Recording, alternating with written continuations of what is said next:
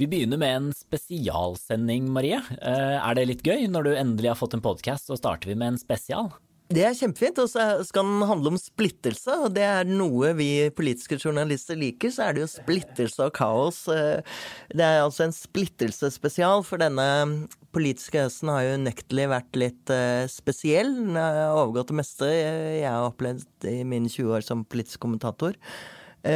Og det er jo kanskje noen som er litt lei av KrF Fordi. Nei, nei, går det an å bli lei av KrF? nei, aldri, Ola. Men, eh, men, men eh, jeg tror jeg hadde det, syv kommentarer på rad om KrF eller noe sånt. Og det var eh, Ikke sant, ja, så kanskje KrF er lei av deg òg? Det, kan det kan nok hende. Men det handler jo til syvende og sist om Erna Solbergs store politiske prosjekt, som er å samle de fire partiene på høyresiden i en flertallsregjering. Og får hun til det, så blir hun så svær at uh, hun vil gå inn i historien som mest suksessrike Høyre-lederen noensinne. Større enn Kåre Willoch. Eller det er kanskje ikke mulig. Spørs om Kåre Willoch blir enig i det, men uh... men, uh, men også som statsminister vil hun da være helt i toppen av rankingen. Og vi snakker altså om Høyres svar på Gro Harlem Brundtland og kan du si.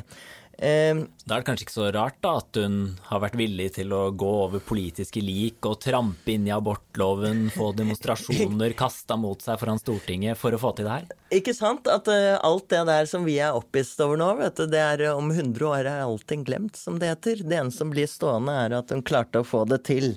Eller vil hun klare det. Det er jo noe jeg lurer på, er uh, Er dette Siv Jensens drøm også?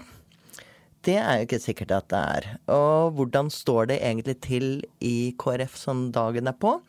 Eh, og disse to partiene, hvordan i all verden skal de klare å leve sammen? Det er jo ild og vann. Eh, så det skal vi snakke om med to som kjenner Frp og KrF fra innsiden. Eh, du hører altså på Siste med Marie Simonsen, og her ved min side sitter Ola Magnussen Rydje, som har stålkontroll på lyden, ikke sant? Full kontroll. Ok, da setter vi i gang. I think it's a disgrace. Jeg syns det blir litt spesielt. At Dagbladet driver med Donald Duck-journalistikk, det kjenner vi alle til. Men dette holder ikke. Du snakker jo bare visvask av arbeidslivet. Helt useriøst. You are fake news. Go ahead.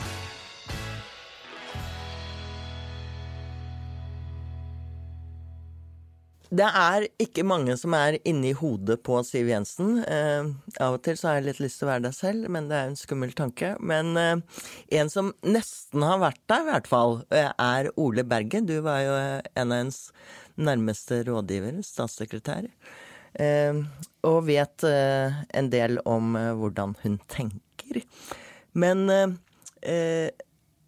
først, dette Frp. I det siste har liksom Siv Jensen gått ut og snakket om at snakket om kniver i ryggen, og de klager over at KrF har fremstilt dem som onde sjæl og alt mulig sånn. Er dette bare sutring, eller er det en strategi? Nei, altså jeg tror det er veldig ektefølt, eh, både fra Siv og mange i Frp. For det var jo nesten en sånn minutt til minutt eh, snakke og rakke ned på Frp på KrFs fylkesårsmøte og den prosessen KrF hadde i høst. Eh, og det har selvfølgelig gått inn på mange i Frp. Eh, og så toppa det seg da med at man satt og forhandla et statsbudsjett på ett møterom på Stortinget, mens man gikk til opposisjonen og forhandla bort en såkalt Frp-seier i en annen sak samtidig. Og da hadde Siv behov for å lufte ut, si fra til KrF at hvis de virkelig mener at de ønsker samarbeid på borgerlig side, og undersøker muligheten for det, da må de oppføre seg på en helt annen måte. Men Frp-ere har liksom vært lydige og ganske stille under hele denne eh, prosessen. Ja, det hadde du ikke trodd? Ja, det hadde, det hadde, ikke jeg trodd i det hele tatt. Jeg var sikker på at der skulle det komme bråk. Men, men de har vært uh, ganske snille og tatt imot og venta andre kinnet til. Men nå kommer selvfølgelig det frem at uh, her er det smertefullt hvis KrF kommer inn i regjering. Da må nødvendigvis Frp gi fra seg ting. Uh, det som slår meg, er jo at dette er en veldig Erna Solbergs store drøm. Men er dette også Siv Jensens drøm og prosjekt? Ja, langt på vei så er det det. Eh, altså I en ideell verden så ville nok Siv eh, Jensen og Frp gjerne at eh, Frp og Høyre skulle ha et rent flertall alene. Det er helt urealistisk å tro på.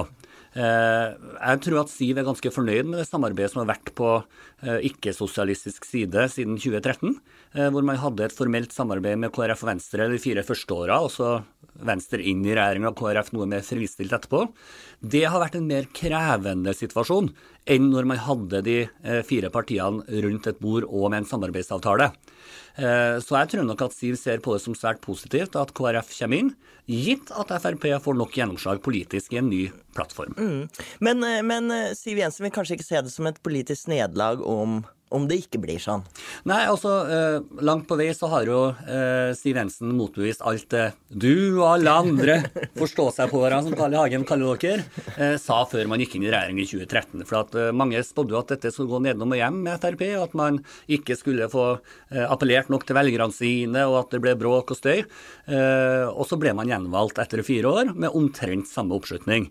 Så Siv har jo allerede bevist at Frp kan styre landet. Vi håndterte en finanskrise, en migrasjonskrise. Dette er historien Frp forteller, og den i mitt syn så er det jo det sant. Man har vist at man kan styre, og da er det ikke så eh, farlig eh, om KrF skulle ha valgt Arbeiderpartiet i, i, i høst og kasta Frp ut av regjeringskontorene, så hadde Frp vært stolte og bretta opp ermene og, og sett fram mot 21. For de har bevist at de, at de kan styre. Ja. Og, og, men sånn sett så kunne det jo kanskje være en god idé å gå ut av regjering? Ja, men det, er to eh, viktige eh, elementer av dette som eh, man må ha med seg. Eh, og Det ene er jo at eh, politikere blir politikere fordi de ønsker å endre samfunnet i den retningen de tror på. Så det er alltid mer lukrativt å sitte i regjering enn å ikke gjøre det. hvis du tenker rent på velgeroppslutning i 19-valget og 21-valget, så tror jeg alle partier, også Frp, eh, ville hatt det enklere i opposisjon enn i posisjon. Det koster noe å, å ta ansvar, eh, men det er absolutt verdt det, tror jeg de aller fleste Frp mener. Men uh, Ordeberg, du er uh, kanskje tilhører liksom the good guys uh, i Frp. Det er jo noen nå som, som, uh, som fisker litt i opprørt vann, og man har Per-Willy Amundsen som mener at omfavner Sverigedemokraterna, og de kaster inn utsagn om EØS osv. Uh, hvor stor er denne opposisjonen, indre opposisjonen? Altså, jeg vet ikke om jeg ville ha kalt det opposisjon og, og, og, de betegnelsene der, men det er klart at eh, det er, det er noen i Frp som uh, har ment, egentlig helt siden 2013, uh, at uh, regjeringsdeltakelse koster for mye. Eh, og at det går utover velgeroppslutning, og at man kunne heller venta og så blitt enda større i 21-valget. Men hvis man sier det hele tida, så kommer man aldri til eh, bordet og får sitte og styrt landet. Eh, den grupperinga som du kaller det, er veldig få personer. Det er noen som på en måte mener at man burde ha vært ute av regjering helt siden 2013, men det har ikke blitt flere siden 2013, snarere tvert imot, har blitt mindre.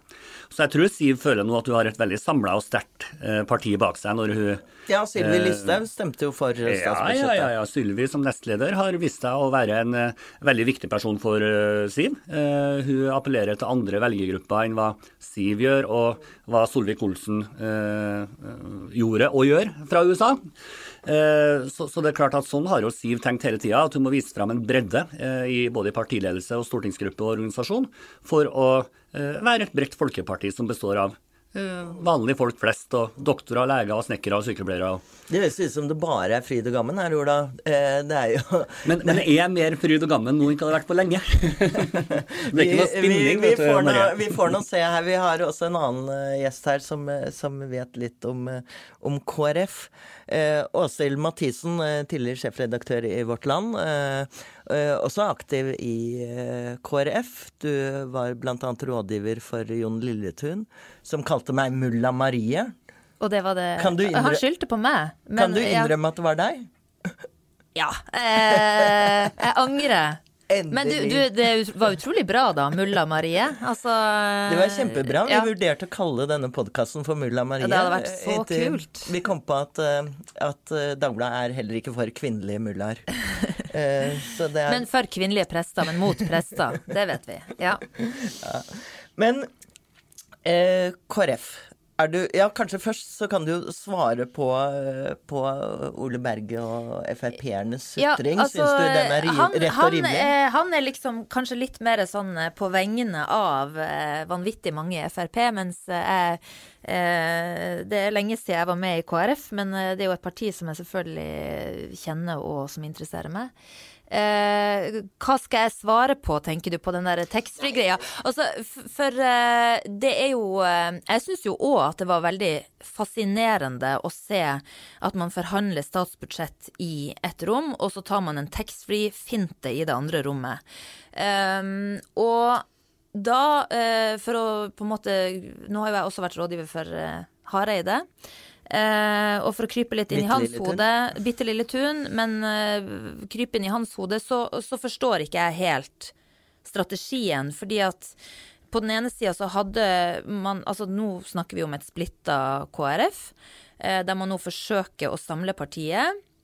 Bak det prosjektet som det har vunnet frem, med å forhandle med høyresida. Eh, og Hareide har sagt at han er mer glad i Ropstad nå enn han har vært før, faktisk. Er det, det sant? Er så sterkt. Eller er det, nærmer vi oss opp altså, med budet? Da føler jeg at vi dykker ned i dypt ned i psykologi og kristen kultur hvis vi skal forstå hvorfor han sier det.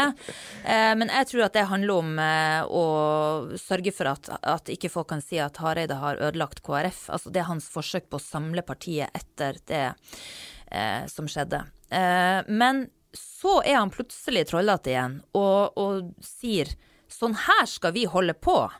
Eh, vi skal kjøre på med finte og være opposisjon til vi har landa et grunnlag. Og da må jo jeg si at jeg er enig med Siv Jensen på at altså Hvis man tenker tilbake på hvordan den rød-grønne regjeringa ble til, så var jo det at man bygde tillit mellom tre partiledere helt avgjørende for det som skulle skje. Så det er klart, eh, han har på en måte eh, Han kan si formelt sett så har han rett. Eh, de er ikke i regjering, så de kan drive på med det.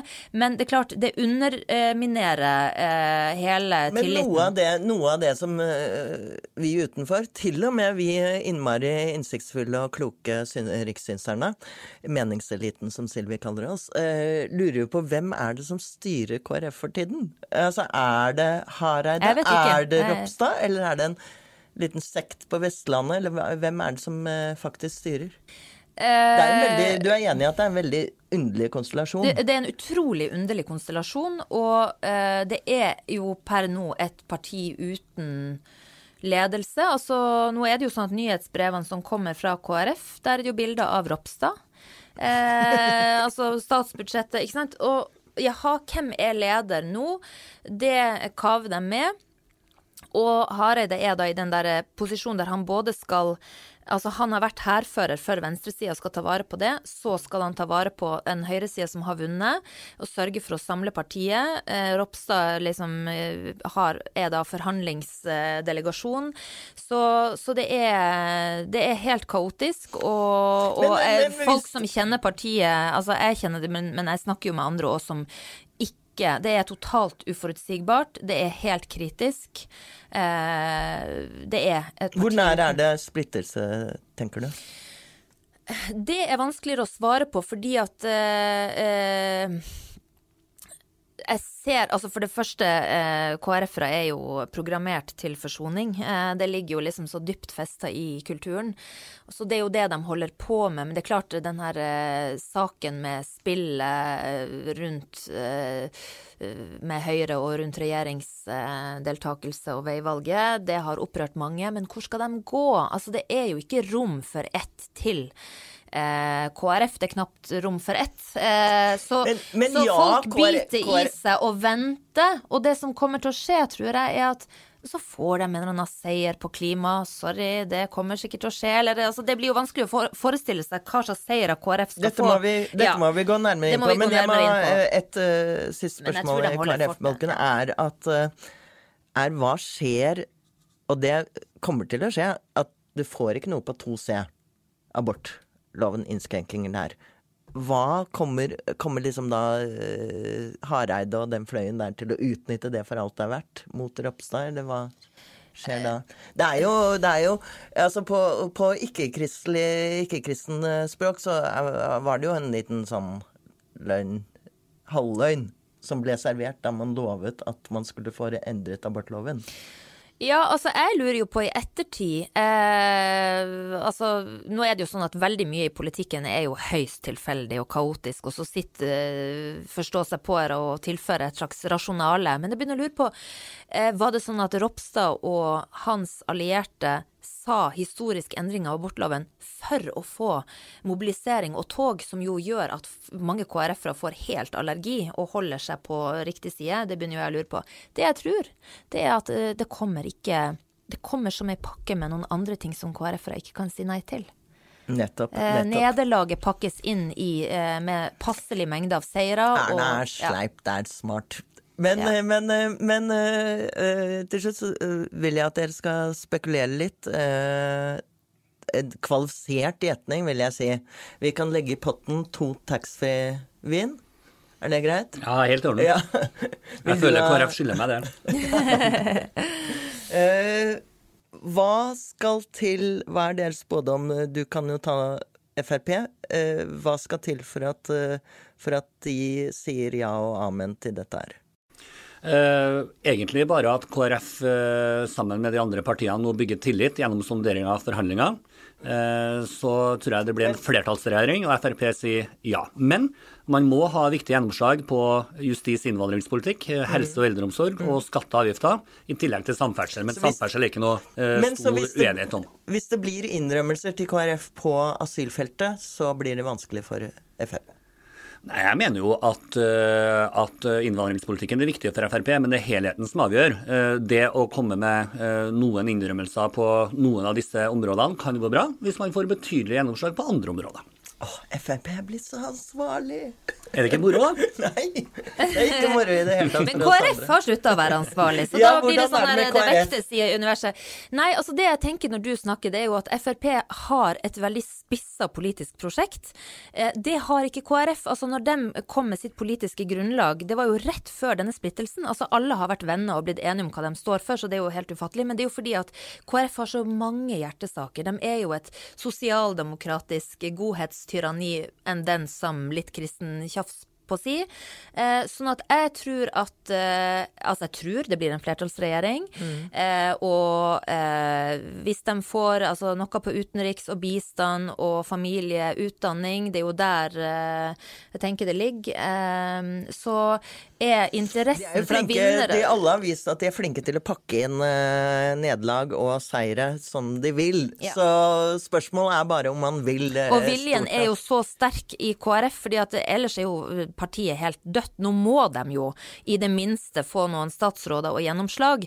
Og fra Erna Solbergs side, uh, sterk vilje til å lykkes, så jeg tror Så KrF det går har alt å tape på å ikke gå inn i Ja, regjering. ja. Men mitt råd til KrF er å satse knallhardt på barne- og familiepolitikk. Eh, På eh, høytiden for KrF så var kontantstøtten en viktig sak. De bør finne seg en ny familie- og barnesak som, eh, som de kan få mye velgere på.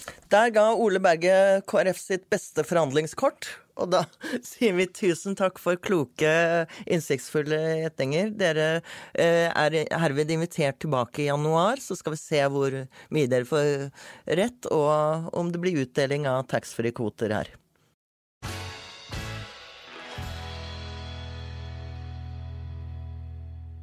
Det er noe jeg alltid har lurt på så lenge jeg har vært journalist, og det begynner jo å bli noen år.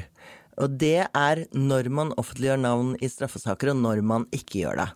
Uh, og nå har vi fått denne saken med Svein Ludvigsen, uh, som lenge var kjent som samfunnsstopp i Troms. Han, uh, og nå er det da kjent at det er Svein Ludvigsen, tidligere statsråd, tidligere fylkesmann fra Høyre, som er tiltalt for å har misbrukt sin stilling og forgrepet seg mot asylsøkere.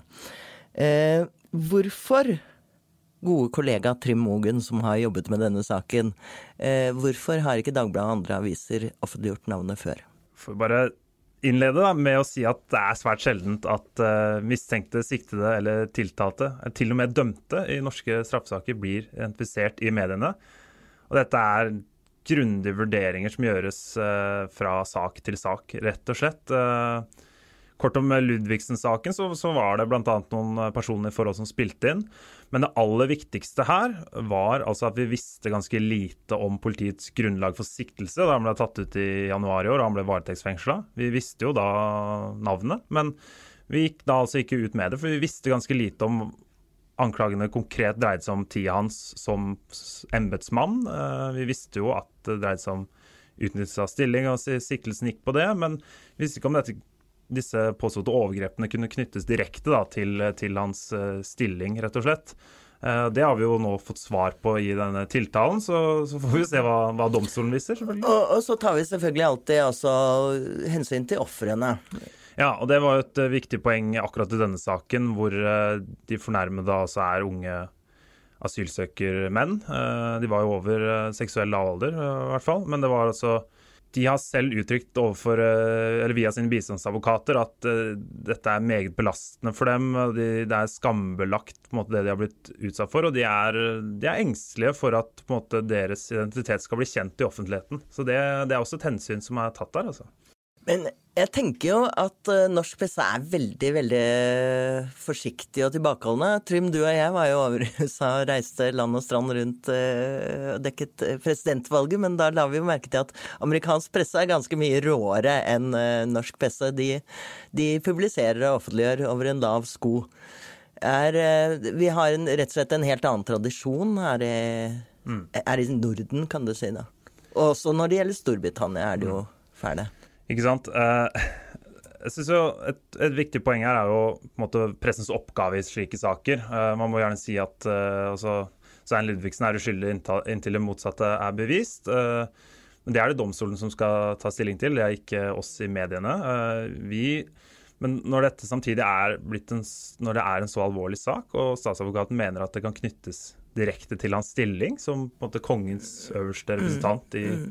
i Troms, så, så, er det vår oppgave å, å, på en måte granske dette og, og, på en måte opplyse folk om hva dette dreier seg om. Uh, også uavhengig av hva som skjer i, i, i, selve rettssaken. Og det er også fare her for at dørene kan bli lukket i en rettssak. Så det, det gjør det ekstra viktig denne måte at offentligheten får også på en måte vurdert denne saken, mm. for å si det sånn. Men, eh, men, noe av utfordringen også er jo selvfølgelig i moderne med sosiale medier og sånn, så er jo dette navnet blir jo kjent. Det er jo ikke bare jeg og vi som sitter her i studio som har visst at det var Svein Ludvigsen i snart et år. Men det vet man jo også hvis man dukker litt inn i sosiale medier. Så det må jo også være en litt sånn utfordring. Spiller det inn i vurderingen for offentliggjøring eller ikke, eller er det Nei, i utgangspunktet gjør det ikke det. Eh, vi får si sånn at det, det, kan oppleves som en dobbeltstraff, det å bli identifisert i mediene. Og du kan jo si med den utstrekningen sosiale medier har i dag, så, så kanskje du vil si at det, det spiller jo ikke noen rolle fordi det, det, på en måte er kjent allikevel. Men vi har jo på en måte våre liksom vår Varsom-plakaten vi har som redaktørstyrt medie. da, så så må vi på en måte ta de, de hensyn som vi skal. Og, og som sagt så er, det, så er, det, svært sjeldent at, eh, at eh, tiltalte og siktede, til og med domfelte da, i straffesaker blir identifisert. Så det er, ikke noe, noe enkel sak, altså. Det er ikke det. Nei, og vi i podkasten Siste med Marie Simonsen følger Vær varsom-plakaten. Eh, så, så, vi skal ikke offentliggjøre i, i utide. I hvert fall får vi håpe. Dette var første, siste med Marie Simonsen. Tune inn eh, neste fredag, som det heter.